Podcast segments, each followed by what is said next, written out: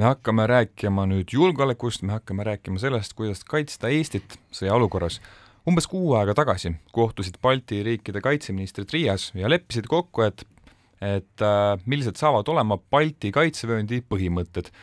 meil on nüüd külas Kaitseministeeriumi kaitsevalmiduse asekantsler, kantsleri nõunik Kaido Tiitus. tere, Kaido! tere hommikust! kui see uudis kuu aega tagasi tuli, et lepiti kokku kaitsevööndi rajamise põhimõtetes, siis see kõige olulisem äh, info, mis sealt, ma arvan, paljude jaoks kõlama jäi, oli see, et äh, Eesti piiriäärsetele aladele tuleb hinnanguliselt kuni kuussada punkrit. kuussada punkrit, see võib natuke ehmatada, aga samas me ju saame aru, miks kõik tarv, tarvilik on. kas te oskate meile kirjeldada, kuidas see siis võiks nägema hakata välja, kui need kuussada punkrit on rajatud, millised need on, on need maa peal, maa all? jaa, punker ise on tõepoolest äh, see, millest on kõige rohkem räägitud, aga aga punker on ainult väike detail sellest äh, kaitseliinist. ja kui me räägime, kui me räägime punkritest, noh, siis me peaksime ikkagi rääkima eelkõige kaitseliinist ja, ja ja eelkõige siis äh, looduslikesse kitsaskohtadesse rajatud äh, sellistest äh, kaitsetugipunktidest. ja, ja nende eesmärk on seisata vaenlase üksuste liikumine kindlas suunas ja, ja nende puhul olulised kriteeriumid on kaitstus ja, ja tõkestamine ma lugesin ka lehest siin juba varem, et, et et korraks uuesti tagasi nende punkrite endi juurde, et seal on eelpaigutatud varust, varustus on siis ka punkrites olemas. kas seda ma võin küsida, mis asi seal siis sees juba on? no tegelikult me räägime sellest, et äh, äh, kui meie soov on jah, ehitada see kaitseliin või kait-, paigaldada kaitseliini elemendid maksimaalselt äh, maastikul, siis reaalsus on see, mis ütleb, et me tegelikult kõike seda teha ei saa sest äh, elu Eestimaal peab edasi minema ja me ei saa maha panna miine, tõkkeid, äh, kõike seda, mis segaks inimeste elu. aga on olemas ka selline miinimumvajadus ja, ja me oleme enda jaoks tuvastanud, et see võiks olla, et punkrid peavad maha saama. miks punkrid?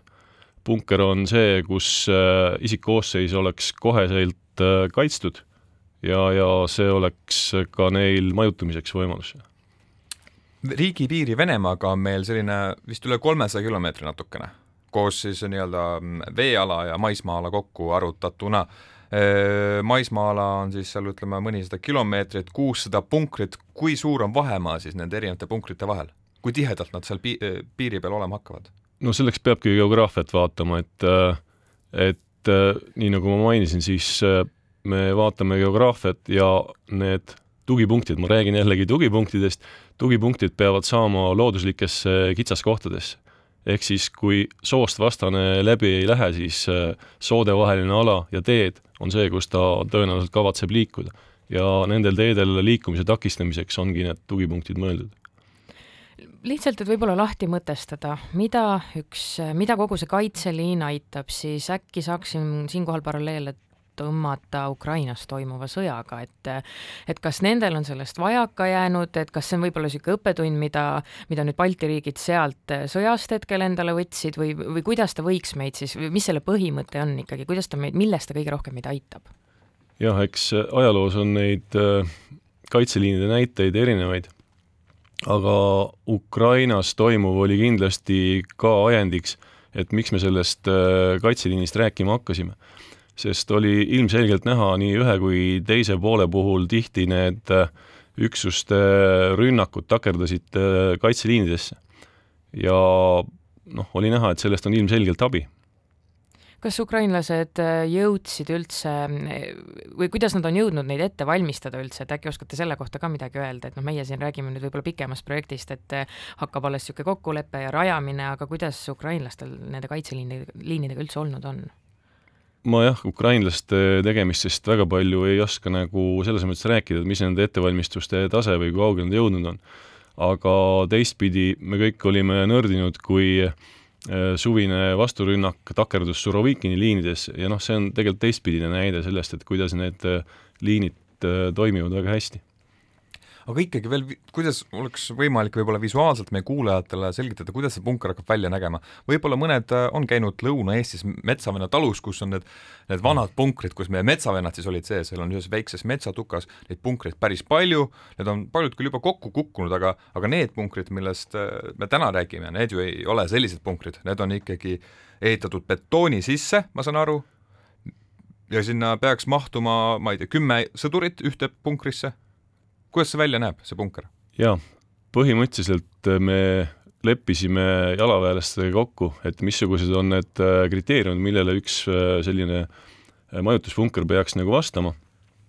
ja noh, kümme meest on üks kriteeriumitest, sellepärast et seesama kümme võitlejat peab seal saama majutada ja, ja ka nii-öelda vastase kaudtule eest äh, varjuda.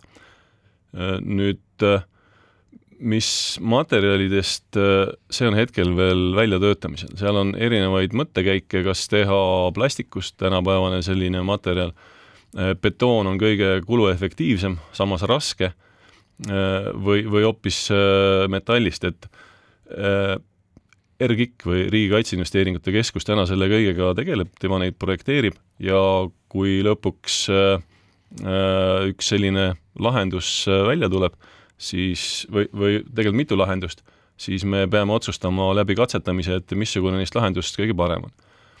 aga, aga laias laastus on jah, see, see funktsioon on selline, et ta peab suutma selle jaosuuruse üksuse majutada ja teistpidi tagama neile ka kaitstuse vastase kaudtule eest.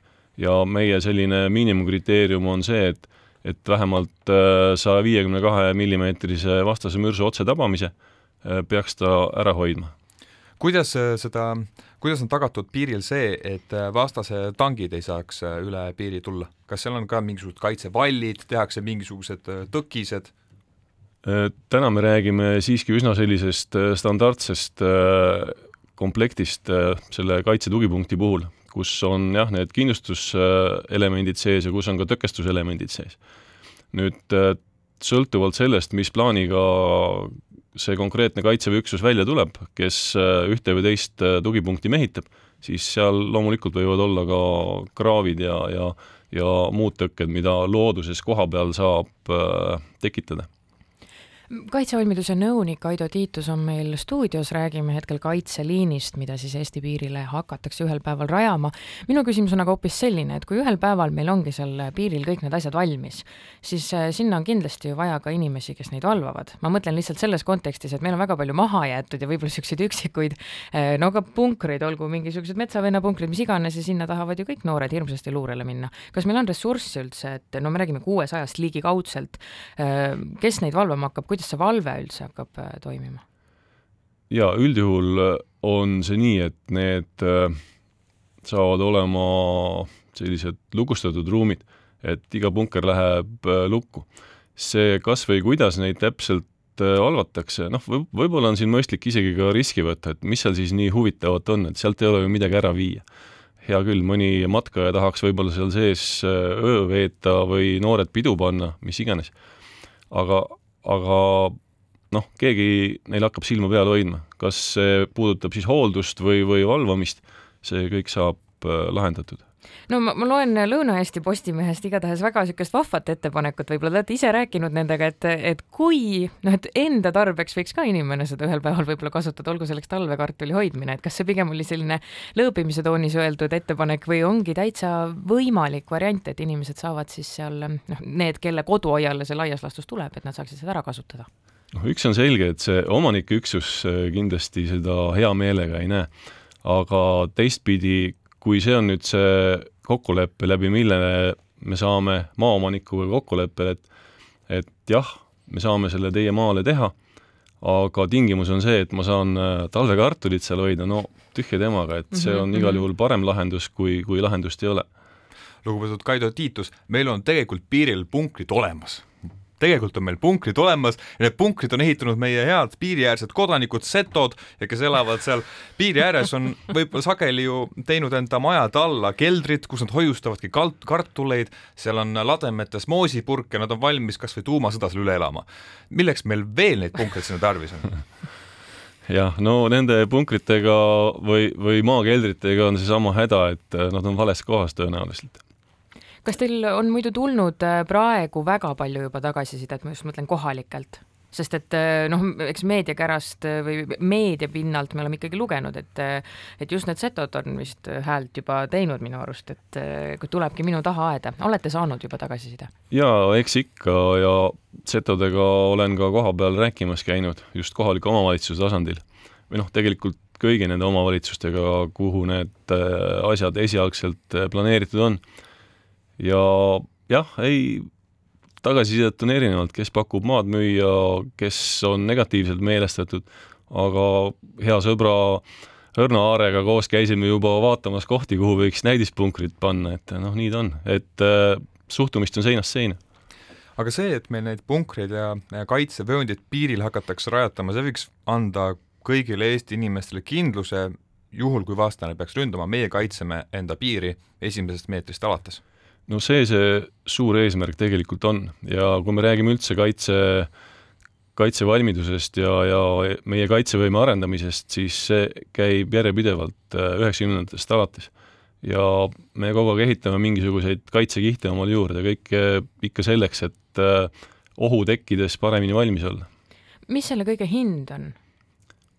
Te mõtlete kogu selle kaitseliini, ma mõtlen, äh, kogu niisuguse projekti üldhind võib-olla? no Palju täna, täna on see esmane selline arvestus, et see läheb circa kuuskümmend miljonit maksma.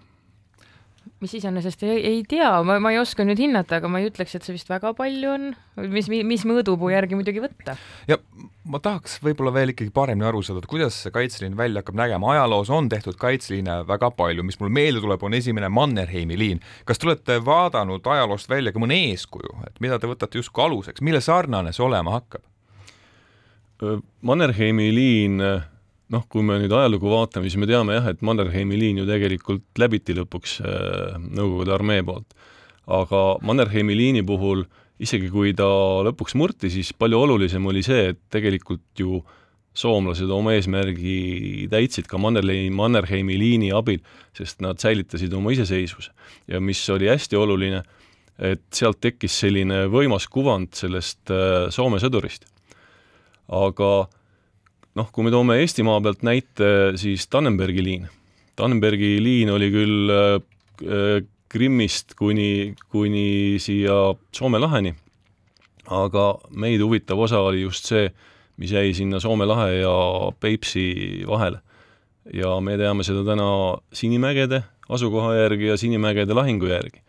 ja seal ju tegelikult äh, tehti kõiki neid samu asju, et äh, kasutati ära looduslikud tingimused, sood, järved, mered ja, ja, ja looduslikud sellised valitsevad punktid ning paigaldati tõkked, tulesüsteemid, kõik see tagasi ju selleks, et lõpuks Nõukogude armee ei suutnud sealt läbi murda. ja, ja niisugune klassikaline kaitseliin Kaido Tiitus, kui Kaitseliinist nüüd räägime uuesti võib-olla üldisemas võtmes, siis äh, mis faasis või mis etapis see täna on, millal me päriselt mi-, millegi sellise praktilise füüsilise valmimist võime oodata?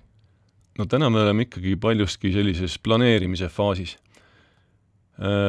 Ja me peame vaatama siit kolme erinevat sellist institutsiooni, kes sellega tegelevad, Kaitseministeerium, eks ju, mina siis projektijuhina seda asja vean ja püüan neid teisi osapooli kokku siduda, Kaitsevägi kes teeb oma, oma plaani, mis on siis tegelikult Eesti kaitsmise plaan, ja ERGIK, kes tegeleb kõigi selliste toetavate tegevustega, on see siis punkrite väljatöötmine, nende, äh, nende maaomanikega rääkime, rääkimine, kuhu need asjad võiksid tulla. ja noh, kolm sellist äh, peamist tegelast siin on. aga punkrite paigaldamine maastikule võiks alata kahe tuhande kahekümne viiendal aastal? jaa, õige sellepärast et aasta lõpuks peaks Kaitsevägi oma kaitseplaaniga valmis saama ja selle pealt saame hakata siis näpuga järgi ajama, et äh, kuhu need punktid võiksid äh, reaalselt tulla. või tegelikult me räägime jällegi kaitsetugipunktidest.